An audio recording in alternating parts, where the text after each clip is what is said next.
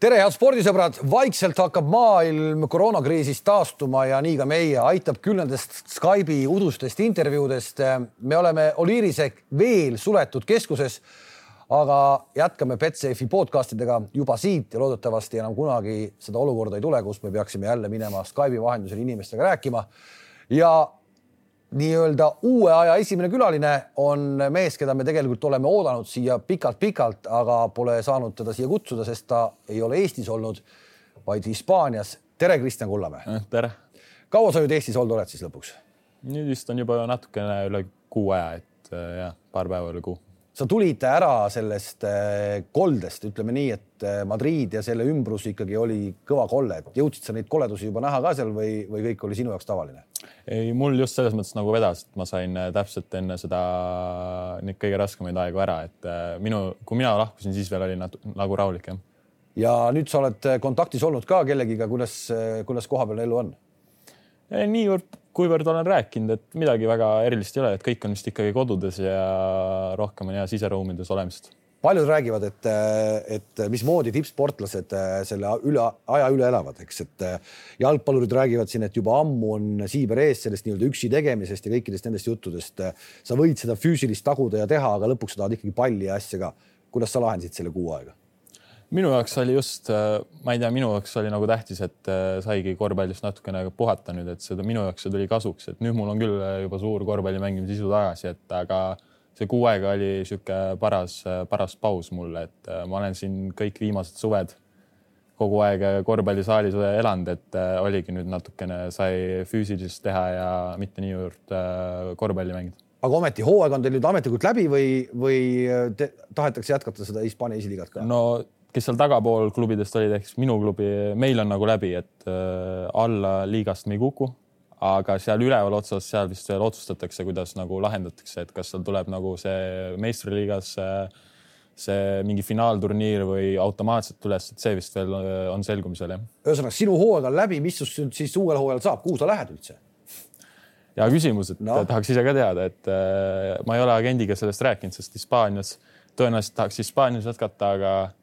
aga seal pole isegi ükski liiga pole ametlikult läbi, et seal äh, agendid rääkisid ka, et väga raske on mingit infot hetkel nagu anda. selle klubiga konkreetselt sul lepingut äh, rohkem ei ole? ei, mul nendega oli üheaastane. ja tegelikult sul oli juba tege-, siin uue aasta alguses äh, siit-sealt kuulda olnud, et huvi su vastu tegelikult oli vähe kõrgemast satsist ka ehk et kas äkki see Andorra sats või midagi sellist, on see vastab tõele või mitte? Mm,? ma ei tea, mul ei ole sealt midagi hetkel rääkida, lepingut mul ei ole saadetud, et äh, ma tean, et on räägitud, aga sellega noh, hetkel minu arust nagu kõik on piirdunud. töötuks jäämist sa ikkagi ei karda, et sa oled nagu selgeks saanud, et sa tahad ikkagi Hispaanias jätkata kuskil? ei, ma ei usu, et äh, agendid on öelnud, et äh, olen heades kätes, jah kes need agendid sul on, et äh, kui äh, kõva agentuur see on, kes äh, sinu taga on, kui sa nimetad võib-olla mõned suuremad nimed, kes selle agentuuri all töötavad? No minu agentuuri nimi on X-Fears, ma ei tea, ei ole just maailma kõige suurem agentuur, nagu meil osad eestlased on. You First näiteks, mis on Hispaanias üks tuntumaid, ma arvan, kus nüüd Kotsargi läks, et uh, meil on uh, Igor Crespo, et ta on niisugune, noh, ta on hea agent, mina olen aru saanud, et ma arvan, mul on väga vedanud, et mul selline agent on ja noh, kes on tippudest meil seal no ma arvan, kõige kuulsam nimi on äh, Mirotic äh, Barcelonast, Nikola Mirotic, et tema Barcelonast ja see Hernan Gomez, see noorem vend peaks olema, kes mängib NBA-s. ehk oli ka Hispaania koondises? ja Hispaania koondise mängija, jah. nii et äh, on väga-väga nimekaid mehi seal. mida see agentuur sinuga nagu teeb, et ma mäletan, kui sa, kui sa läksid Audentesest ära, said selle Hispaania agentuuri siis äh, tegelikult äh, isagi näitas mingeid videosid ja asju, kuidas hakati su viskeid ja asju kõiki lahti võtma. Äh, oli see nagu konkreetselt kohe nii-öelda personaalne lähenemine sulle ja, ja hakatigi sind nii-öelda töötama ülesse? ma arvan küll, et mis mulle nagu selle agentuuri puhul meeldibki, et ongi, meil on vist äkki kolmkümmend mängijat kokku ehk siis nagu igalühel on suht oma personaalne lähenemine, et keskendutakse just nagu, kuidas öelda, karjääri ehitamisele, et ja et see ongi minu jaoks nagu kõige tähtsam, et äh, mul on oma personaalne lähenemine, minust väga hoolitakse, hoitakse silma peal. alati uuritakse, kuidas mul läheb, et minu jaoks on väga oluline, kui äh, treenerid ja taustajõud nagu on minuga ühes paadis ja nagu tahavad, et ma areneksin oli sul viskega mingisugune probleem, nad tahtsid, et sa teeksid oma viset natukene ümber, et kui ma hakkan lihtsalt, ma ei ole näinud su mänge nii palju äh, seal Hispaania esiliigas, kui ma vaatan lihtsalt kasvõi su protsente, kuigi ma tean, et seda võib-olla ei pea jälgima sinu vanuses veel, aga see protsendi kõver on sul võrreldes Saksamaaga läinud nii kahestel kui kolmestel selgelt paremaks ma ei tea, seda viskejuttu on minu puhul nii palju räägitud, et ma ei tee sellest väga suurt numbrit, minu jaoks on tähtis, et pall läheb sisse. kõigi jaoks on, kõigi jaoks on tähtis, Kristjan, see on kõigi jaoks tähtis. minu jaoks on see nagu kõige tähtsam, et äh, siin viskeliigutus äh, ma ei tea, minu jaoks ei ole oluline, minu jaoks on see, et kui pall läheb sisse ja mul on mugav visata, mul on mugav visata ja mul läheb, ma arvan, enda kohta päris okeilt sisse ka, et äh, just nüüd viimasel ajal, et ma arvan, ma olen näidanud, et et mul nagu tehtud vaev ja mu korduste arvud, ma arvan, et see on minu jaoks kõige tähtsam. mis see korduste arv on? no see on palju, no ma nüüd Hispaanias üheksa kuuga, ma arvan, ma viskasin hästi-hästi-hästi palju viskeid ja minu jaoks ma arvan, mis mul kõige rohkem muutus, ma hakkasin kaugemalt viskama, et trennis ma ei viska tavalisi kolmesid enam, ma viskan alati meeter kaugemalt, poolteist meetrit kaugemalt, ehk siis nagu kaar oleks, minu jaoks on kõige tähtsam, et mul oleks jalgadest jõudu visata, et paljud rääkinud, et jalgadest ei ole jõudu viskada lühikesed, aga, aga see, et mul oleks jõudu, et mul oleks õige kaar viskel, et minu jaoks on see kõige tähtsam hullu jala pealt, kes praegu mulle kohe plahvatab, kes viskab Euroliigas, Shane Larkin paneb rämeda, rämeda hüppega ülesse. selle mehe jalg on ikka nagu imetlusväärne, mis selle all on, kui tähtis see on, et sa ikkagi teed, teed selle jaoks ka eraldi tööd. ei no eks kõik ütlevad, et minu, ma arvan, et korvpallis kõige tähtsam ongi jalad, et kui sul on tugevad jalad, siis sa saad seal sinna peale hakata ehitama ja kui sul on tugevad jalad, siis ma arvan, hüppevise on ka kordades, noh, sul mugavam visata endale, kui sul on tugev alusbaas olemas kui süstemaatiline see töö on, nagu ma toon jälle näiteid sealt, ütleme Euroliigast, siis mulle meenub, et J.C. Carroll oli kunagi ütles, ta tegi suviti nelikümmend kaheksa tuhat viset, nendest oli ta täpselt ära arvutanud, kui palju oli kaheseid, palju oli kolmeseid, et nagu roppu, roppu, roppu. sa ütlesid, sa tegid ka väga palju visketrenni. mis need numbrid sinu puhul võisid olla? no ma ei tea, ma arvan, et äh, päevas, päevas ikka mingi noh, ütleme kolmsada, nelisada kolmest lihtsalt äh, visata peale, ma arvan, noh, see on täitsa reaalne et äh, noh, mis mul hommikul oli, alati mingi kakssada, kolmsada, kolmsada viset sisse. ja siis õhtul noh, on meeskonnatrenn, aga seal sa viskad ka ikkagi mingid visked ju ära, et äh, ma ei oska seda päris öelda, aga. aga põhimõtteliselt ma... suurusjärk sinnamaani, kaks-kolmsada no, viset sisse. sisse kindlasti ja et ma arvan, et noh, see on niisugune tund aega, tund viisteist, eks umbes, umbes niimoodi. ja sa tegid seda tööd tegelikult meeskonnast eraldi üks noor poiss, äh, Rootsi poiss, härra Lundqvist oli vist sinuga kaasas seal nii-öelda, kes on sama agentuuri mees jah? ja, no... ja kahekesi lihtsalt hommikuti käisite uhamas? nojah, et meil oli, eks meil oli treener, meil oli kaks treenerit, et üks oli siis äh, minu agentuurist üks äh, kuulus treener või noh, mitte kuulus, vana mees, aga legendaarne, legendaarne mees äh, Pablo Laso isa, et äh, Pepe Laso, kes on äkki kaheksakümmend kaks nüüd. et äh, tema, tema siis oli meil nagu see, kuidas öelda no ongi, et õpetaja, treener, et tema, tema istus maha saalis ja siis ütles, et mida, kuidas me teeme ja siis meil oli üks teine treener, kes oli noorem kõvasti ja tema siis nagu meid aitas nagu seal igasuguste harjutuste ja asjadega. see nagu Pepe Laso oli kogu aeg saalis ja juhendas. ehk agentuuri poolt oli teile hommikuks kaks meest, kaks treenerit? ja kaks treenerit, kaks mängijat ja niimoodi panime viis korda nädalas ja pikk trennid ei ole pikad, et sul ei ole vaja teha pikku trenni, mina arvan, et piisab neljakümne viiest minutist, aga no sa vahed nelikümmend viis minutit, et sa oled täiesti riba, et äh, ma arvan, äh, see aasta oli esimene kord, kui ma hoidsin nagu korvpalli sellest konstruktsioonist, ma pole mitte kunagi sellest nii palju kinni hoidnud, kui ma, kui ma nüüd selle üheksa kuuga hoidsin. Äh, see, see kaheksakümne kahe aastane treener, noh, mõni ütleb, et ammu sulanud lumi see mees on nagu väga vitaalne härra, ma tean, et ta on ikkagi nagu oma olemuselt väga nooruslik äh, kuidas ta seda korvpalli asja nagu sulle seletab või, või mis mees ta on? no ja tema inglise keelt rääkinudki äh, meil oli see teine treener, kes siis oli see tõlk ja rootslane mul aitas ka, et temaga oli juba äkki kolm, teine aasta oli Hispaaniast, temal oli midagi külge jäänud. ehk siis temaga me rääkisime, aga, aga mis puutub sellest, siis minu, minu teada ta on kõik Sergio Rodriguez ja Rudi Fernandez, kõik nemad üles töötanud ehk siis ma arvan, midagi ta ikkagi nagu teab korvpallist ja ega ta ilmaasjata Hispaanias ei ole siis nagu tuntud nimi jah ehk ta on ikkagi nii-öelda Hispaaniasse võib-olla sama tuntud nimi, kui täna on Pablo Laso, tema poeg, Real Madridi peatreener. aga omavahel nad, ma saan aru, et väga ei tönka enam. ei, ei omavahel äh, ei ole just kõige parem suhted ja et äh, midagi neil vist on minevikus olnud ja selle, selle, sellega nagu ei, keegi ei ole uurinud ja niimoodi, ega ma ise ei taha ka uurida, mulle piisab, et mul selle isaga on hea suhe ja sellest mul noh, väga hea no kui suur legend ta ikkagi on? Selles mõttes, et kui sa ütled, et ta on nagu väga tuntud nimi, kui suur legend ta on, kui sa nagu, nagu võrdled midagi, et noh et.... ma ei tea, no ta annab igasuguseid loenguid, asju, ma ise arvan, noh nagu Eestis Tiit Sokk äkki või, ma arvan, ma ei tea, ma ei, ega ma ei ole ka ju hispaanlane, et just. ma seda ei oska väga võrdlusmomente tuua, aga aga no minu, minu jaoks ta on inimene, kellest ma pean väga lugu ja ma arvan, et äh, kui mul on inimene, kellest ma pean väga lugu, siis mul on nagu ka mingi kohustus tema ees, eks ma ei tule sinna niisama mingi nalja tegema, vaid minu eesmärk on ka siis, et kui tema tuleb siia, ta on kaheksakümmend kaks, siis mul, ma pean ka siin olema ja ma pean näitama, et ma olen siin kohal ja tema on sinuga siiamaani siis äh, rahul, tundub, et ikkagi nagu sa oled tema hetkel tema nii-öelda õpilane. Äh, ma ei tea, siis üks viiest või üks no me arvame, meil on ja üks, üks viiest, et kes seal oli, et äh, üks mängija nüüd eelmine aasta läks sellest samast klubist, läks sinna Andorra tiimi, läkski, et äh, see oli ka tema õpilane, kelle ta kolme aastaga vist põhimõtteliselt mitte milleski vedas Andorrasse Eurocupi tiimi ja nüüd sai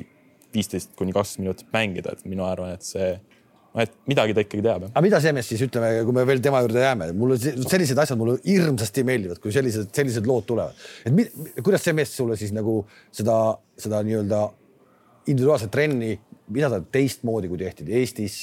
mis, mis on teistmoodi? no minu jaoks, mis esimene asi, mis mulle,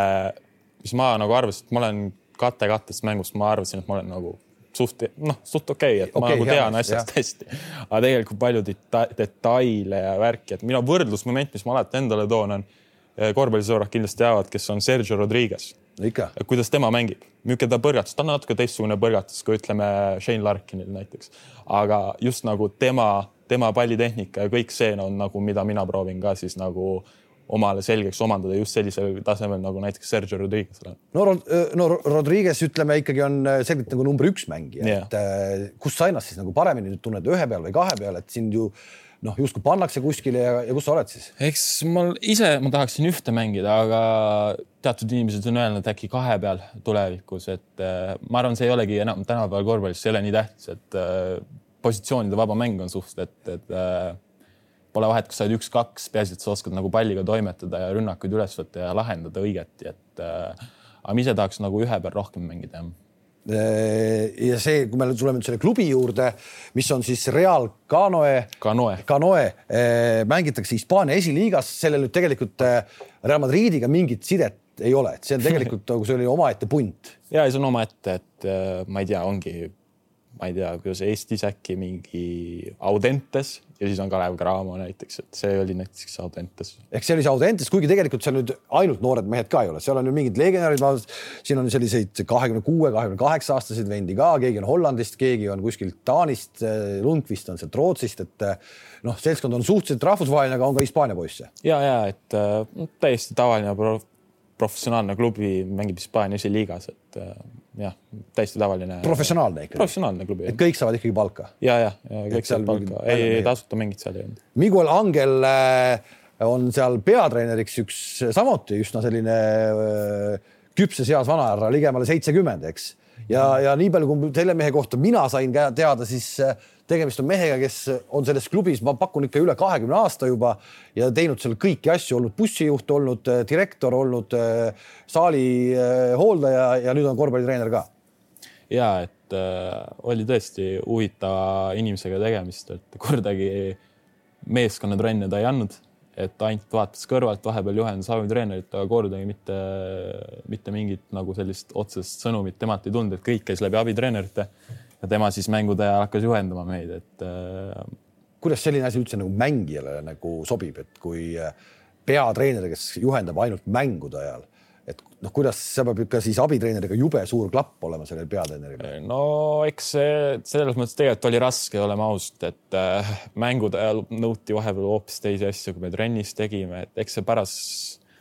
raske oli, aga ega eks nad ise olid kokku leppinud, ega meil ei ole midagi, me peame mängima ja selle eest meile nagu makstakse raha, et äh, meie jaoks nagu ei ole midagi kobiseda seal. no see kajastas natukene võib-olla ka nendes tulemustes, et te saite, teil lõppes hooaeg ära nii, et oli vist viis võitu ja üheksateist kaotust, midagi sellist. Yeah.. ja nendest kaotustest äh, kui ma lugesin ära, oli äkki üheksa tükki selliseid, mis olid kuni viis punkti. Ehk põhimõtteliselt mängu lõputi andsite kõik ära ja võib öelda küll, et hästi palju nappe kaotusi, et oleks sealt paar tükki kasvõi kätte saanud, oleks seis palju rõõmsam olnud, et äh, see on pärast kahju jah. aga tundsid sa nagu mingi sellist nagu klubipoolset survet ka, et teil on vaja neid võite hirmsasti, te peate kõrgemale saama või, või milline see suhtumine oli seal?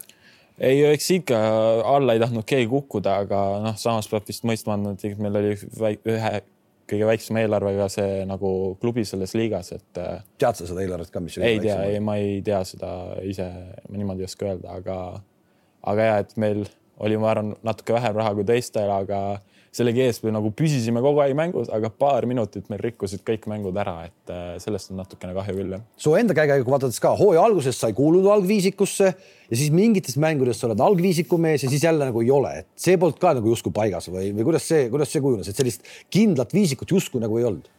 ma ei tea, ei oska seda öelda, et seda peab treenerilt ise küsima, et äh, mul ei ole nagu midagi selle kohta nagu väga kommenteerida ja minu jaoks, minu asi on mängida ja pole vahet, kas sa tuled algusest või lõpus, ma arvan, kõige tähtsam on, kes lõpetab mängu, et mängu võivad kõik alustada, kes lõpus sees ja otsustama peavad, et ma arvan, see on kõige tähtsam no neid mänge, mis sa said tegelikult minutite poolest ja punktide poolest üsna võrdselt jagunes tegelikult seal nii-öelda tipp, noh, nii-öelda põhimeestel, et kakskümmend kaks, kakskümmend kolm minutit keskmiselt oli enam-vähem kõigil ja kaksteist punkti per mäng oli sinu näitaja. Eh, noh, võrreldes nüüd Saksamaaga, kus sa üle tulid, et kui suur see tasemevahe oli ja kuidas sa nagu rahule jäid sellega? ma arvan, Hispaania esiliiga on natukene teistsugusem, kui see on Saksamaa esiliiga, et Saksamaa esiliigas oli eh, rohkem musti mängijaid, et ameeriklasi oli kõvasti, mis tegi nagu liiga natukene füüsilisemaks. aga samas ma arvan, Hispaanias on sihuke, sihuke jooksmine kogu aeg ja sihuke rohkem nagu vaba mäng, et äh, Hispaanias on hästi kõrge tempoga nagu see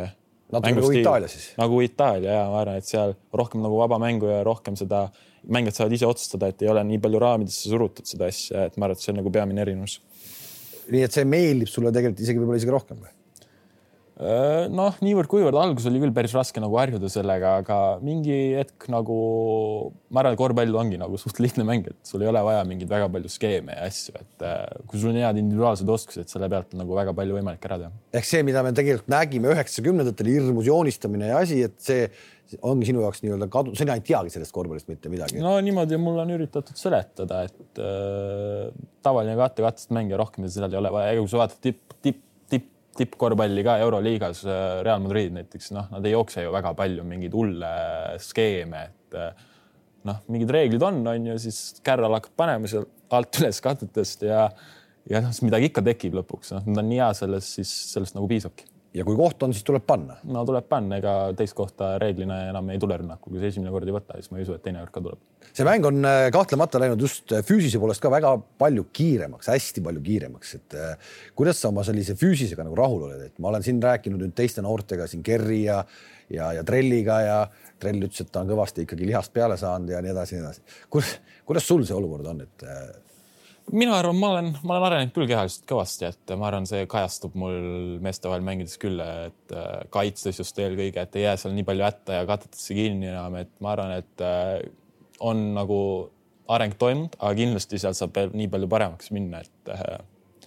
et kui ma tahaks Euroliigas mängida, siis ma kindlasti Euroliigaks valmis praegu ei ole, et niisugused kehad ja milline nagu kontakt seal nagu iga rünnak on, ma arvan, see nagu ei jäägi inimestele arusaamatuks enne, kui sa nagu tõsiselt sellesse süvened, et see on mm -hmm. nagu päris jõhker, et et äh, jah, võib öelda küll, et praegu nagu on okei okay,, aga kindlasti saab paremini ehk et äh, siit tulevad ka kõik need vigastuse jutud, et äh, nendest sa oled suutnud ka tegelikult ju olla ikkagi eemal ja et ma ei tea, esiliigades ma arvan, see vigastuse oht, noh, ei ole võib-olla nii suur, et eh, vigastused hakkavad minu, hakkavad siis nagu pihta, kui sa mängid hästi palju mänge nädalas, mängid Euroliigat, mängid niimoodi, ma arvan, et siis, kui sul on kolm, kaks, neli mängu nädalas, siis sul see vigastuse oht läheb kohe, kohe suuremaks, sest sul keha on väsinud. aga esiliigas üks mäng nädalas äh, ongi ainukene vigastus on siis, kui trennis, sest noh, trenne tehakse palju minu jaoks vähemalt esiliigas, et äh, ma arvan, et vigastustega mul on nagu veanud praegu. milline eluolu selles meeskonna sisemises kliimas oli, kui peatreener ei teinud eh, midagi kaasa äh,? natukene nagu tuleb praegu see trelli jutt, mis ta rääkis, et ta oli Itaalias, et seal läks ikkagi asi riietusruumis päris koledaks kohati ikkagi juba meeste vahel, et eh, nad said üldse ainult ühe võidu, eks ju, üheksateistkümne kaotuse kõrvale. Eh, teil neid võite natukene rohkem, aga milline see sisekliima oli, et kui palju seal sellist nagu meeskonnasisest tõestamist ja tatitagumist oli? no eks ikka oli, et äh no ma arvan, et hispaanlased on ka siuksed äh, kuuma, keevaverelised, et äh, et meil seal läks ka ikka sõnaluseks vahepeal ja just nagu treeneritega seal, sest noh, peatreeneri juhendad ja siis oli umbes seal hakati süüdistama üksteist. aga no lõppkokkuvõttes ma arvan, me ise nagu mängijad jätsime ka suhteliselt palju tegelikult potentsiaali nagu kasutamata, et ma arvan, me ei olnud tegelikult nii lahja võistkond, kui meil see tulemus näitas, seda näitavad need kaotused ka, me olime kogu aeg mängus.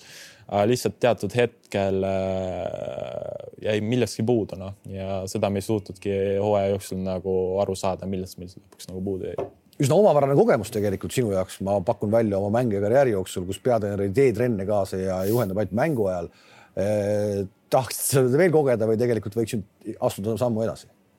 no kindlasti tahaks sammu edasi astuda ja noh, peatreener võiks nagu ikka juhendada, siis on nagu asjad lihtsamad, et praegu oli sihuke hästi palju oligi siukest üksteisest mööda rääkimist, et trennis tegime ühte, siis mängime natukene teistmoodi ja siis oligi pärast sihuke, kõik vaatasid üksteisele otsa, et nagu mis nüüd toimub, et et kindlasti pigem eelistaks seda, et noh, peatreener on peatreener ja tema otsustab ja tema vastutab jah.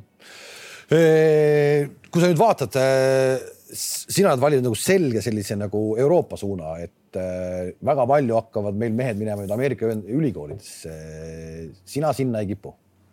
ei, mina sinna ei kipu, et äh, ma arvan, et äh, korvpalli seisukohalt just, et äh, mina arvan, et mul on parem Euroopas mängida ja siin proovida läbi lüüa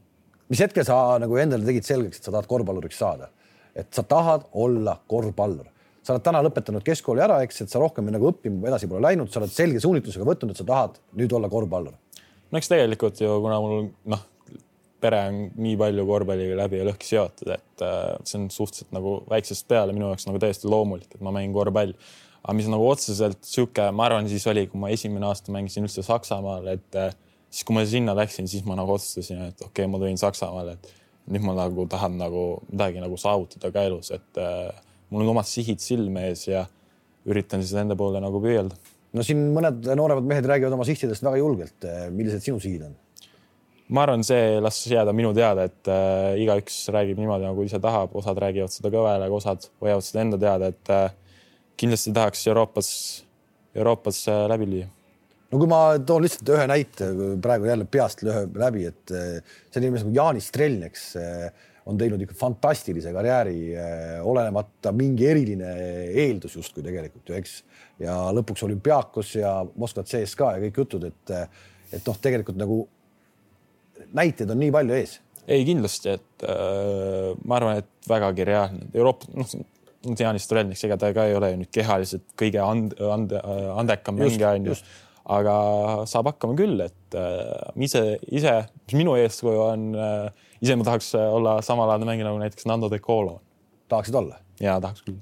no selles mõttes on see hea valik, sest et äh, minu arust see mees ei ole muutunud oma olemuselt ja mängult äh, viimased kümme aastat täie vanemaks ja ta kogu aeg nagu masin, et ta on nagu masin ja emotsiooni ka ei näita välja, et aga no võib-olla natukene riidleb kohtunikega ka, aga selline nagu masin, masinmees ei, seda küll, et äh, no ongi niisugused närvid tal on, kuidas ta üldse mängib seda mängu, ei ole ka ju kõige atleetlikum mängija, aga peaga mängib ja oskused on olemas, et äh, ja vaadake, see karjääri nüüd siin Euroopas teinud on, et ma arvan, konkurentsitult üks noh, top kolm tagamängija Euroliigas kindlasti. kahtlemata. et.... Äh, kuidas see agentuur sinuni jõudis, et äh, sa oled nüüd rääkinud kõiki neid äh, teemasid, mida te nüüd juba teete, kuidas see agentuur nagu, nagu su üles leidis, ma saan aru, et see hetk, kui nad su juurde tulid oli äh,, olid sa käinud ikkagi tegelikult nende sõelast juba läbi, et neid äh, poisse, keda otsiti samasuguseid, oli, oli ikkagi üle saja vist või? no ma ei tea, ma ei, ma ei tea niimoodi, aga no eks see oli, ma tean, et see U kuusteist EM oli äh,, mis ma mängisin äh,, kus ma mängisin Bulgaarias mm, -hmm. kus me võitsime selle, selle B-divisjoni turniiri, et peale seda hakati nagu otseselt nagu jälgima mind ja eks seal oli teisi mängijaid ka onju ja siis lõpuks lõpuks helistati, ma ei teagi, kelle läbi kelle kaudu see oli, äkki oli, nad helistasid mu isale, ütlesid, et nad tahavad, et nad, et see, et isa sõidaks kõigepealt ise nende juurde,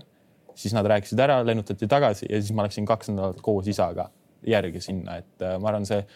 üle kahe aasta nagu vaatasid mind ja ju siis otsustasid, et must võib midagi olla ja üritavad minuga nagu siis tööd teha. ja kõiki, absoluutselt kõiki asju jälgiti üks asi on mängimine, üks asi on juba saali sisenemine, juba see, mismoodi sa sooja teed, kuidas sa vahetusest pingile lähed, kõik see asi oli äh, neil teada, sinu iseloomu omad? see oli hea, minu jaoks oli nagu täiesti kosmos, et ma ei olnud nagu varem agent, agentuuridega absoluutselt seotud olnud, aga kõik äh, viskeprotsendid olid selle, ma ei tea, kuidas öelda, shot chart äkki on, et see viskekaart no. Viske näidatakse kõik äh, palju mul läks, siis võrreldi seal mingite Euroopa mängijatega, kuidas mina teen seda, kuidas nemad teevad, mis on nagu ühisjooned, mis on teistmoodi. minu jaoks oli nagu täiesti kosmos, et, et see oli nagu päris vägev jah no kui see agentuur nii palju su heaks teeb, sul on individuaalsed treenerid, kõik muud jutud. Äh, kuidas see tasumine käib, mismoodi see käib selles maailmas? mis äh, tasumine praegu nagu nemad, nemad äh, maksavad minu eest, et kõik need, mis ma suvel laagris on, olen käinud ja kõik on nagu nende poolt makstud, et et reeglina ma olen aru saanud niimoodi, et noh Mirotitšiga tehti vist kunagi samamoodi, aga kuna Mirotitš mängib nüüd Barcelonas ja ma ei tea, palju ta saab seda raha seal üheksa miljonit, siis midagi ju tegelikult kukub selle agentuurile ka lõpuks nende agenditasude ja asjadega, et äh, nende nagu ma arvan, see palk on siis tuleb sealt. ehk et põhimõtteliselt äh, kunagi, kui sa jõuad mingile tasemele, siis sa maksad midagi tagasi noh, see on ju need agenditasud, mis FIBA poolt on, et äh, ma arvan, need äh, sealt see nagu see suurem äh, sissetulek neil tuleb tõenäoliselt. kuidas sa kaotuseid talud, äh, kui me võtame kogu su selle karjääri, Audentesega mängisite meeste vastu poistega, võite ei tulnud. Saksamaa esiliigas seal ka liiga palju võite ei tulnud, nüüd sellel hooajal samamoodi ikkagi ainult viis võitu, üheksateist kaotust, et äh, ei ole nagu sellist nagu, nagu justkui nagu kõige mõnusamat minekut, et hästi palju oled sa elus pidanud ikkagi mänge kaotama. ja et eks tegelikult äh, noore mängijal päris raske ole, et äh, aga ma arvan, noh, sammu tugevamaks teinud kokkuvõttes, et aga kindlasti on olnud väga raskeid perioode nende, ma ei tea, nelja-viie-kuue aastaga, mis ma olen olnud, et äh, ega see kerge ei ole moraalselt, ega sa ei lähe ju mängu kaotama mitte Just. kunagi, aga aga noh, noore mängijana on ju, teised on tugevamad, vanemad, noh, võib-olla mõned paremad, eks ole eks ta raske ole, aga no tuleb hakkama saada, loodetavasti siis kunagi elus nagu tasub ära ja oled, saad nagu lõpuks nagu võitja ka. no seda ohtu nagu ei ole, et noh, et umbes kuidagi, et, et, et noh, et see, see võidunälg kaobki nagu selles mõttes nagu ära, et, sa nagu tead, et see noh, no ei tulegi, noh, et me ei, ei saagi seda head feelingut sisse. no need kaks aastat, mis ma nüüd viimases näiteks olen mänginud, et noh, seal nagu minu otseselt ei ole, mind ei ole toodud võistkonda niimoodi, et me hakkame nüüd võitma, et mm -hmm. sina tulid siia, me hakkame nüüd võitma. Pigem ongi see, et mis on minu jaoks nagu kõige parem keskkond arenemiseks, et äh, eelmine aasta ma nägin seda Saksamaal ja nüüd see aasta nägin siin, ehk siis nüüd ole näha, kus ma järgmisena maandun, et äh, tahaks nüüd nagu loodetavasti, et noh, saab nagu võimalus olema, kus ma hakkan nüüd nagu võidu peale ka mängima kõvasti, et äh, et nüüd on nagu saad juba raha selle eest, et nagu hakka võitma, et mitte enam niimoodi, et oh, väga tore noor poiss oled, hakka treenima, et loodame, et sa arened. ehk see aeg on tegelikult justkui nagu tegelikult nüüd käes, kus, kus sa peaksid olema mängija, kes veab välja. ja, ja ma arvan küll, et äh, siin ei ole enamgi noh, õigustus, ma võin olla tore noor kutt Eestist on ju, aga noh, lõppkokkuvõttes on vaja võita ja sul on vaja tulemusi näidata ja ma arvan, kahekümne, no ma saan kohe kuu aja pärast kakskümmend üks, et äh, ma arvan, see aeg on nagu käes jah. kui sa nüüd aga, kui sa nüüd nagu läheksid, äh, kuidas sa samm teha enda peas, kuidas sa nagu mõelnud oled, et minna satsi, kus sa oled äkki nii-öelda äh, pingi pealt kindel tulija, saad oma kaksteist minutit, aga väga tugevate treeningpartnerite kõrval ja meeskond ka võidab, et sa näed ka seda poolt või minna mingisse satsi, kus sa oled ikkagi kohe põhiviisiku mees ja sa pead hakkama nii-öelda nagu justkui nagu nullist enda peast ka üles ehitama seda võitja mentaliteeti? no mul on räägitud enda inimestega, kes mind aitavad, et äh, nemad nagu suuremal määral otsustavad, mida mina, kus ma järgmine aasta mängin, et äh, et äh, nemad nagu otsustavad ja eks siis me vaatame, kus ma maandun, et ma loodan, et äh, et ma olen olnud piisavalt tubli ja ma olen näidanud nagu, et ma saan hakkama küll, et äh, ma ikka loodan, et mul järgmine aasta on äh, okei okay võistkond kui palju sa nagu hetkel, kui sa saad kahekümne ühe aastaseks eh, kogu selle nii-öelda glamuuri peale mõtled, mis korvpalliga kaasas käib, palgad äh,, igasugused kutsed igale poole, ma ei tea, kuhu neid kutseid tuleb, aga ikkagi tuleb tippmängijatele. kui palju sa selle peale üldse mõtled? no eks ikka tore on ju, kui inimesed panevad sind tähele ja niimoodi, aga aga no ma arvan, mul eesmärk ongi praegu nagu lihtsalt vaadata aasta korraga ja proovida siis areneda nii palju kui võimalik ja loodetavasti ühel päeval nagu tasub ära. see Hispaania koht sulle palka võlgas, palgavõlgnevus seal ei seal oli kõik sellega oli nagu väga hästi, et äh, õigel aegul kõik nagu tasuti ära. mis on isegi kummaline, et justkui satsi justkui polegi, aga, aga sellega saadi korda. noh, ma ei tea, minu, minu probleem ei olnud tuleme koondise juurde korra. Eesti koondise eest oled sa nüüd mänginud eh, hetkel eh, valiksarjas kaks mängu, su keskmised näitajad on seal kakskümmend neli punkti per mäng, et eh, noh, ütleme nii, et vist ei olnud, ei ole, ei ole võimalik paremat algust teha. ma arvan küll, et aga minu jaoks see nagu oli täiesti loomulik, et, siin ma mäletan, mis see oli, et kui see laager algas, meil tuli äkki üks sporditoimetus tuli ka küsima, mis te nagu ootate. ma ütlesin, ma tahan näidata, et ma suudan mängida ja ma arvan, ma need kaks mängu suutsin näidata, et ma suudan mängida. Äh, kõigepealt võtame selle Makedoonia, Põhja-Makedoonia mängu. kohe kolmkümmend kaks punkti. üks. kolmkümmend üks, vabandust ja, ja.. ja miks see, ma ütlesin kolmkümmend kaks, sest et äh, vanamehele jätsid panemata nii-öelda ühte korvi oli veel vaja, et saada suurem punktisumma kui, kui isa omal ajal viskas, et äh, sa, sa, sa muidugi vist ei teadnud seda ju ei, ei teadnud küll niimoodi, ma ei ole isaga rääkinud sellest Gerdiga, et kahju lihtsalt üks vaba ise, mis mul läks mööda minu meelest, et äh, selle oleks võinud kotti panna. et see oli, kas see oli nagu täiuslik mäng või? mis hetkel sa said aru, et täna on nüüd see päev, kus kõik tuleb välja? ma ei tea, ma ei oska öelda, kas täiuslik mäng, et pärast mängu analüüsides siis, siis nagu öeldakse, et äh, mis ma tegelikult nagu, et ma mängisin tegelikult kuuskümmend protsenti nagu perfektsest mängust, et seal oli nii palju tegelikult olukordi mis ma noh, söötsin valedesse kohtadesse ise mingi täiesti rumala lahenduse, et aga no punktide osas ta tuli okeilt välja ja läks sisse ka kaugelt, aga aga mul oli kohe nagu mängu alguses oli hea tunne, aga ma olin selleks mänguks nii valmis ka, et ma hakkasin sellest juba oktoobris mõtlema, ma mäletan, et väga hästi, et ma olin oktoobris juba niimoodi, et me mängime Makedooniaga, Makedoonias meil on vaja võita see mäng ja ükskõik, mis roll mul on, ma no panen sinna sada protsenti sisse, et et ma olin selleks mänguks, ma arvan, noh, sada protsenti valmis. väga sageli ju ikkagi, kui nii pikalt ette tõmmatakse, põletakse läbi, et, et siis, kui asi käes on, siis on nagu toss läbi, toss väljas ja närvid läbi ja ei tule välja. ah ei, ma ei usu, mis seal nagu niimoodi ka põdeda on, et äh, ma lihtsalt noh, teadsin, et kuna ma teadsin, et väikest sokku ka meil ei olnud, eks, siis võib-olla mul tekib rohkem minuteid. ja noh, ma arvan, ma suutsin nagu seda päris efektiivselt ära kasutada. Neil oli ju tegelikult vastas ju Makedoonial see Padalona Venturi äh, Äh, tagamängija ka noor, nende nii-öelda lootus, see nulliti nii ära, et äh, põhimõtteliselt see minu arust Venemaa mängule enam kaasa ei läinudki üldse ei, ma ei tea, Martin Torveku panime neile peale, et vana siin VTV kaitselukk, et äh, ta võttis algust tuju ära, aga me saime temaga okeilt hakkama, et jah, ma ei tea, võtsin maha. no sa jõudsid olla kahes justkui nagu erinevas koondises, koondis ennem Toialat ja nüüd Toiala koondis. mismoodi see nii-öelda, kus oli vanad mehed sees olid, Kangur, Talts äh,, Arbet, kuidas see, kuidas see koondis oli võrreldes sellega, mis nüüd käis Makedoonias Itaalia vastu mängimas? ma ei tea, ei oskagi väga mingit, kokkuvõttes suhteliselt äh, samasugune, et võib-olla selle ja, ja Taltsi kanguri koondis oli natuke rohkem kogemusi, eks, aga eks meil ju siin olid ka tegelikult ju need, kes on juba natukene rohkem näinud seda korvpallivärki, et Vene ja Veidemann, et äh, me arvame, meil oli sihuke, oligi sihuke mõnus äh, balansis nagu koondis, et oli nooremaid, oli vanemaid ma arvan, see oli nagu väga mõnus kooslus. kuidas Toiala mängudeks äh, ette valmistab, kui sa võtad näiteks äh, oma koduklubi, äh, võtad näiteks Sokuaegse koondise ja võtad Toiala, et kui palju infot te saate konkreetselt mängu kohta, konkreetselt seda, mida, keda, kes mida tegema peab, kes mida tegema hakkab? no see on ju noh, koondise nädal on ju ainult üks nädal, et ega seal väga ei jõua ju mingeid spetsiifilisi asju võtta, et neid üldreeglid võtsime ära ja rääkisime natukene mängijatest ka, kes on tugevam viskaja, kes on rohkem läbimurdja, et et mingeid siukseid väga spetsiifilist asja ei olnud, et hoid, proovisime hoida asju suhteliselt lihtsana, kõik saaksid üheselt aru ja ma arvan, nagu see tuli tegelikult päris okeilt nagu välja ka no tuli küll, väga okeilt tuli välja ja siin mõned ikkagi natuke kurtsid, et Itaaliat ei võitnud, aga, aga see oleks ka võib-olla natukene liiga suur, suur amps. kui me selle Itaalia mängu juurde tuleme, tuleme siis ka, et noh, et me alla nagu kordagi ei andnud, aga seal oli nagu gramm, gramm nagu kogu aeg kuidagi füüsiliselt igatepidi nad olid natuke paremad ka ja võib-olla natukene kohtunikud soosisid, et, et just seda Itaalia mängustiili. aga ma ei tea, ma niimoodi, ma ei, ei oskaks, ma arvan, me andsime selle mängu täiesti ära, et mis meil oli seal pluss neliteist vahepeal läks täiesti asjad meie kontrolli ja rahvas taga.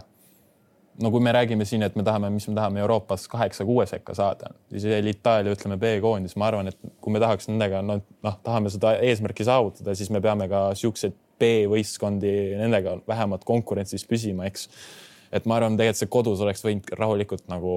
proovida võidu peale mängida, aga kahju, et see teine poolega jah, me natukene, ma ei tea, kas väsisime ära või olime liiga passiivsed et.... no mis see analüüs pärast ütles, mis siis juhtus? no olidki, nad surusid meid ära, et äh, ma arvan, meil oli millegipärast, me olime kuidagi väsinud ka, et seal tulid nagu hästi rumalad eksimused, mis ma arvan, tulevadki just väsimuse pealt, et äh, et sellest on kahju, aga no novembris on ka kaks kodumängu, et proovime seal nagu siis korrektiivid teha. Toiala treenerina ma olen siin nüüd kõikide käest küsinud, kes siin käinud on ja olen kuulnud ainult nagu selliseid tõesti kiidusõnu, ma saan aru, et keegi ei saagi otse öelda, et, et midagi on jamasti, aga Toiala, kui sa pead sealt nagu ta käekirja kirjeldama ja, ja kõike seda, kõike seda tema nii-öelda korvpallist arusaamist. aeg on küll lühike, ma saan aru, mis te olete koos olnud, aga ikkagi. Ei, minu jaoks väga-väga hea üllatus või positiivne, ega ma tema käest, temast ka midagi varem ei teadnud, eks. Ma teadsin, et ta oli selle Soome koondise abitreener, eks, aga, aga noh pole ka midagi nagu halba küll öelda, et väga sõbralik. Äh, käis ta sind vaatamas Hispaanias ka? ja ta käis ühe korra Hispaanias rääkimas ka minuga, selles mõttes ta nagu teadis asjast, et äh, oligi, et tema oli minu esimene treener mul kolme aasta jooksul, kes mulle joonistas äh, selle rünnaku, et ma saaks low post'is mängida, mis see on siis äh,. kusjuures, kusjuures me tegelikult mängu ajal, jah, puki jah, ja kusjuures me, see oli siis nii-öelda tema äh,. Kas sa ise ütlesid talle, kui ma tahaks proovida seal sest et tegelikult seda me nägime seda nii Makedoonia mängus, kui me nägime seda Itaalia mängus. et, et sind, et, et sa läksid sinna ja sind kohe ka otsiti sinna. ja et see oligi minu, ma mäletan, see oli vist äkki teine poolaeg esimene rünnak, ta oli, et äh, mängime Kristjanile low post'i palli, ma olin, et mis asja, et sihukest asja mul pole varem tehtud, aga ometigi ma olen selle, noh, minu jaoks ma tunnen seda mugavalt ennast, ma olen seda aastaid-aastaid harjutanud, eks kui juba noorest peale. et see oli nagu esimene treener, kes nagu reaalselt nagu joonistas minu tugevuse peale, siis see oli küll nagu. ta hammustas selle nii-öelda hoo pealt lahti, et nüüd peaks tegema. ja no see tähendas, ma arvan, et noh, ta oli jälginud mu mänge ja asja, ega ta mind sinna lambi koha pealt ka sinna alla ju ei saatnud sinna korvi alla palli küsima. aga see ei olnud treeningutel, nendes väikestes, lühikestes treeningutes, mis tegid, seal seda teemat üles ei tulnud. see tuli mängu ajal. ei tulnud küll ja see oli, oligi, ma mäletan, see oli poolaeg ta joonistas meile selle kombini ja siis oligi esimene rünnak, ütles, et Kristjan, sa saad korvi alla palli. ma olin okei okay,, davai. ja tegid ära ka? no tuli välja, jah. kuidas sa võtad neid jutte, tegelikult täitsa fantastiline, kuidas sa võtad seda, neid jutte, mis äh, nüüd räägitakse sellest teie koondisest? Äh, jõuame veerandfinaali ja jõuame, kuhu me kõik igale poole jõuame. ägedad jutud ja, ja, ja äkki on alust ka no loodame, et, aga noh, eks tuleb mõista anda, ega meil päris noor koondis, et äh, me mängime siin praegu küll nende B-koondiste vastu Euroliiga mängeid ei ole, eks, aga noh, siis oleks nüüd oleks loodetavasti me saame sinna EM-ile ikkagi peale ja saab siis nagu mängida nende A-koondistega reaalselt nende tippudega, ehk siis me nagu võrdleme, et kui kaugel me oleme ja milleks me nagu suut-, suutelised oleme. et ma väga loodan, et me saame sinna ja need novembris, ma arvan, need kaks nagu üliolulist mängu, et kui me seal saaks, teeme head mängud, siis ma arvan, on väga reaalne šanss sinna saada oleme ise, olen isegi öelnud, et minu arust, et see oleks äärmiselt kurb, kui me just ei jõuaks sinna turniiri, et seda turniiri oleks nüüd vaja just sellepärast, et et nad saaksid selle esimese lataka kätte sellelt turniirilt. Läheb, kuidas läheb, ei ole tähtis, sinna tähtis jõuda. sa ütlesid, et sa põhimõtteliselt üheksa kuud valmistusid oma peas selleks Makedoonia mänguks, mis eh, õnnestus. no põhimõtteliselt on sinna turniirile jõudmiseks vaja nüüd teinekord see Makedoonia mäng ära hoida, et eh, üheksa punkti on meil eduseis, eks ole, ja noh, suures plaanis, kui me selle võtame ära, siis on ju asi paigas? no eks ma olen juba tegelikult ka juba peas mõelnud, kes, kus järgmine aasta mängib, et mõni mees meil võib-olla on NBA-s, eks ei tea ju. et äh, tuleb vaadata, kes meil on järgmine aasta, ehk siis äh, ristame need mõõgad, ma tean, see treener juba ütles ka ju, mis ta ütles peale mängu, et äh, et, et rohkem niisugust mängu ei, ei, ta ütles, et rohkem ei tule niisugust mängu. no eks siis vaatame, mina panen vaimu valmis, tema kindlasti paneb vaimu valmis, eks siis vaatame, kumb peale jääb lõpuks oled sa nagu natuke hirmul ka selle pärast, et nüüd koondis jookseb tühjaks, et kõik lähevad NBA-sse ja ülikooli ja meil polegi enam koondist jälle? ma arvan, meil on piisavalt okei okay tagala, et meil on seal väga häid mängijaid seal võtta, kes võib-olla ei saa, mahtunud koondisesse, et ma sellepärast ei muretse, et küll me hakkama saame. Mm. NBA draftis me sinu nime siis ei näe? sinna, see ei ole see teekond. hetkel, hetkel ei ole kellegi jutuks tulnud. Äh, koondise juurde tagasi tulles, et äh, hästi, kunagi läks, läks äh, kuskil sotsiaalmeedias jubedaks vaidluseks, kas Eesti koondis võiks mängida näiteks EM-finaalturniiril poolfinaalis. Äh, mõni ütleb, et noh, lootusetu, mõni ütleb, et, et on võimalik. Äh, ma, ma, ma ei arva, et sa ütled, et, et see ei ole või et see on võimatu, et sa ei saagi niimoodi öelda, aga ikkagi tänane see materjal, mis meil on, paneme võrdluseks lihtsalt Läti koondise kõrvale, et nende jaoks on see, tundub ikkagi e-, nagu eesmärk omaette selline asi ära teha. kas meil võiks ka olla? no nemad, ma arvan, nad saavad seda praegu öelda, sest neil on juba mängijad tasemel olemas, meil on, ma arvan, lihtsalt perspektiivikad mängijad, kes, kui sada protsenti kõik hästi läheb, võiksid mängida ühel, ühel ajal sellel, sel tasemel, Euroliigas, ma ei tea, mis, Eurocup kasvõi, et ja siis juba, siis saab nagu edasi vaadata, aga ma ei tahaks nagu väga spekuleerida sellel teemal, et laseme nüüd nagu noortel meestel rahulikult nagu toimetada, möllata, eks. Ja siis nagu vaatama, aga ma arvan, meil on nagu noorte, noorteklassides on nagu potentsiaalikad mängijad, et äh, miks ei võiks meil ka ühel päeval olla, ma ei tea, neli-viis Euroliiga mängijat ja noh, sellega saab juba tegelikult ju väga suuri asju korda teha siin näeb Eestis mängimas äh, lähiaastatel ainult koondise eest, Kalev Cramoga liitumist või andku jumala mõne teise satsi eest, seda ikkagi ei tule? ma seda ei oska öelda, et äh, hetkel tahaks välismaal jätkata ja loodetavasti nagu välismaal hakkama saada, jah. Miks sa tahad välismaal jätkata? no ma arvan, et äh, ma ei tea, see ei ole just minu asi nagu vastata siukseid asju, et äh,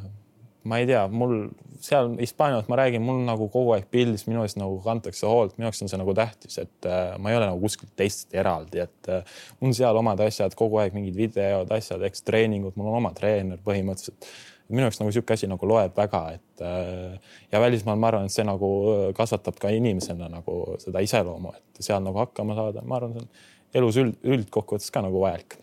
Äh, tuleme alguse jutu juurde tagasi, et sulle seal meeldib, äh, võtame sellesama kaheksakümne kahe aastase vanahärra, kas ta sulle nagu vaba aja tegemisi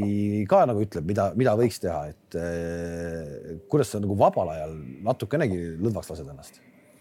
Äh, mis mul ikka, mängin, olen seal omaette ja Madrid oli ju suur linn selles mõttes, et seal ikka tegevust nagu jagus, et autoga sai igale poole sõita ja, aga tegelikult seda väga vaba aega ka nüüd nagu nii palju ei ole ju, et kogu aeg trennid, mängud, sõidad, eks. Äh, siis puhkad, tahad ju puhata ka, magad, on ju, see aeg nagu tegelikult läheb kiirelt, kui sa nagu järgi mõtled sellele no need äh, mängudele sõidud ja asjad käis kõik bussiga, et päris lennukitega. ei, see oli meie jaoks oli ainult igale poole bussiga palju need pikemad otsad olid siis? kaheksa, aga see oli ka sellepärast, et me olime keskel, nagu Madrid ju on Hispaania keskel, et ma ei tea, ma oleks kujutanud ette, kui ma oleks seal lõunas olnud ja oleks vaja sinna põhja üles sõita, et ma ei tea, kas siis ma ei usu, et see reaalselt on tegelikult võimalik bussiga minna, et see oleks liiga natuke. kaheksa tundi panite siis? no kaheksa tundi läheb üles, Madridist sõidad sinna kõige üles, mis seal oli, igasugused Mariin ja mingid siuksed kohad, et see on kaheksa tundi, et see on päris, see on päris karm tegelikult kuidas seda aega seal bussis sisustada, ma tean äh, tervitusi kindlasti, kui vaatab äh, Aavo Keel äh,, võrkpallitreener, kes kunagi mängis äh, mängis äh, kuskil Lapimaal mm -hmm. oli tal see võrgusats, eks, ja nende lähim kodumäng oli nelisada kilomeetrit. ja, ja Aavo, Aavo oskas sellist, ta omandas sellise oskuse, et nii kui buss sõitma hakkas, ta magas, konkreetselt magaski kohe. Äh, ja see on tal minu arust siiamaani sisse jäänud, et kuidas sa seda kaheksa tundi seal bussis vastu pead? Eks ta paras piir ole, aga no tänapäeval on ju läpakad, sotsiaalmeedia, on ka sõbrad, mängid kaarte vahepeal, et tegelikult tegevust nagu jätkub ka, et äh, saab kuidagi hakkama, eks raske ole, aga noh, elame ära. Aga nüüd äh, lihtsalt, et sa lähed õhtul kuskile, ma ei tea, klubisse, teed väiksed napsud äh, kellegiga, sellist, selline mees sa ei ole, sa oled täisprofessionaal. välismaal küll mitte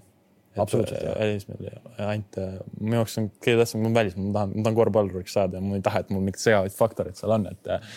välismaal ei, ei väga ei ole siukest lõõgastumist tõesti sa oled, jätad sellise hirmsa töömehe mulje, et nagu tegelikult, et, et kus sul nagu, et natuke see oleks selles mõttes nagu Nando de Gaulle, et sul ei ole nagu, sul ei ole nagu ka väga sellist nagu emotsiooni ei ole, sa teed, teed, teed, teed nagu masin. millal sa nagu, millal äkki tuleb kopp ette, et kurat, mis ma teen? No eks kindlasti on ju alati raskeid aegu ka, et vahepeal ikka mõtled, et kas nagu tõesti nagu tasub ära ja siukseid asju, aga ma olen kuidagi sellest üle saanud ja minu jaoks ongi nagu see, et eh, kui ma nagu matan ennast siin igasuguste asjade keskele sisse ja treeningute, mängude, siis ma nagu saan selle kuidagi toime, et eh, et eh, nojah, võib öelda, et on raske, aga noh, saame hakkama. kui palju sa nagu Äh, muud elu vaatad, mis meie ümber toimub, jälgid sa poliitikat, käid sa valimas, äh, kuulad sa mingit kindlat mussi? selliseid asju ka on sul? eks ikka on ja, et ega ma nüüd mingi ainult ka korvpall kakskümmend neli seitse ka päris nii hull ka asi ei ole, et, äh, et kindlasti nagu jälgin, aga alati saab rohkem jälgida, ma arvan, igasuguseid uudiseid ja poliitikat, aga no, muusikat meeldib kuulata, eks ole. nagu on ikka küll tegevusi, mida nagu korvpalli kõrval ka teha isaga korvpallist, eh, ma saan aru, ikkagi räägite palju, et seal ei ole nagu küsimust, et eh, ehkki ta võib-olla tõepoolest ka on sellest ajast mängija, kus eh, mängiti vähe teist, teistmoodi korvpalli, aga, aga visata meeldis talle ka ja, ja, ja seda te räägite ju. ei, korvpallist küll räägime, et ongi, et isaga on nagu see, et kõik vestlused on korvpalli teemal ja siis emaga on nagu muu elu, et kui mingid probleemid või mingid muud teemad on, et siis emaga nagu räägime sellest, aga isaga on küll ja ma arvan, ütleme seitsekümmend viis protsenti ongi telefonikõned välismaal minu olles, ma arvan, et oli kindlasti korvpalliga seotud, eks ta niisama ka küsib, mis toimetad ja värk, aga hästi-hästi palju räägime tõesti korvpallist. no nii palju, kui mina tean, siis nagu kooli asjadest ta sind ikkagi aidata enam ei osa, ei osanud lõpus, et kui sa keskkooli lõpetasid, et siis ta ikkagi tõstis käed üles, tema ei, ei, ei sekkunud sinna, et midagi ära mitte rikkuda. ei, see keskkooli lõpus isegi, ta oli juba varem, et see oli nagu ema vastutada mulle. kuidas see noorem vend äh, järgi tuleb? Oled talle eeskuju kahtlemata, ma usun, aga, aga kuidas järgi tuleb? no eks ta nagu üritab, et äh, ka korvpall meeldib mängida, et eks ta arvab küll, et ta on noh, minu tasemel või niimoodi, aga eks tegelikult tal on nagu rohkem pikem maa minna ikkagi, et äh, et kui ta vaatab seda, et äh, jah, et tee trenni erinevalt, aga erinevalt sinust ma näen teda ikkagi seal Koidu külas koduhoovis väga tihti palli viskamas. sind ma seal koduhoovis enam ei näe viimasel ajal no ma ei ole Eestis ju, et mul no, raske visata seal, et äh, no eks ta üritab must paremaks saada, üritab, arvab, et see nagu toimib, aga no ma arvan, et ikkagi minu arust tal läheb natukene puudu. okei okay,, sa ei rääkinud oma konkreetsetest eesmärkidest, unistustest, aga, aga Kristjan Kullamäe viie aasta pärast?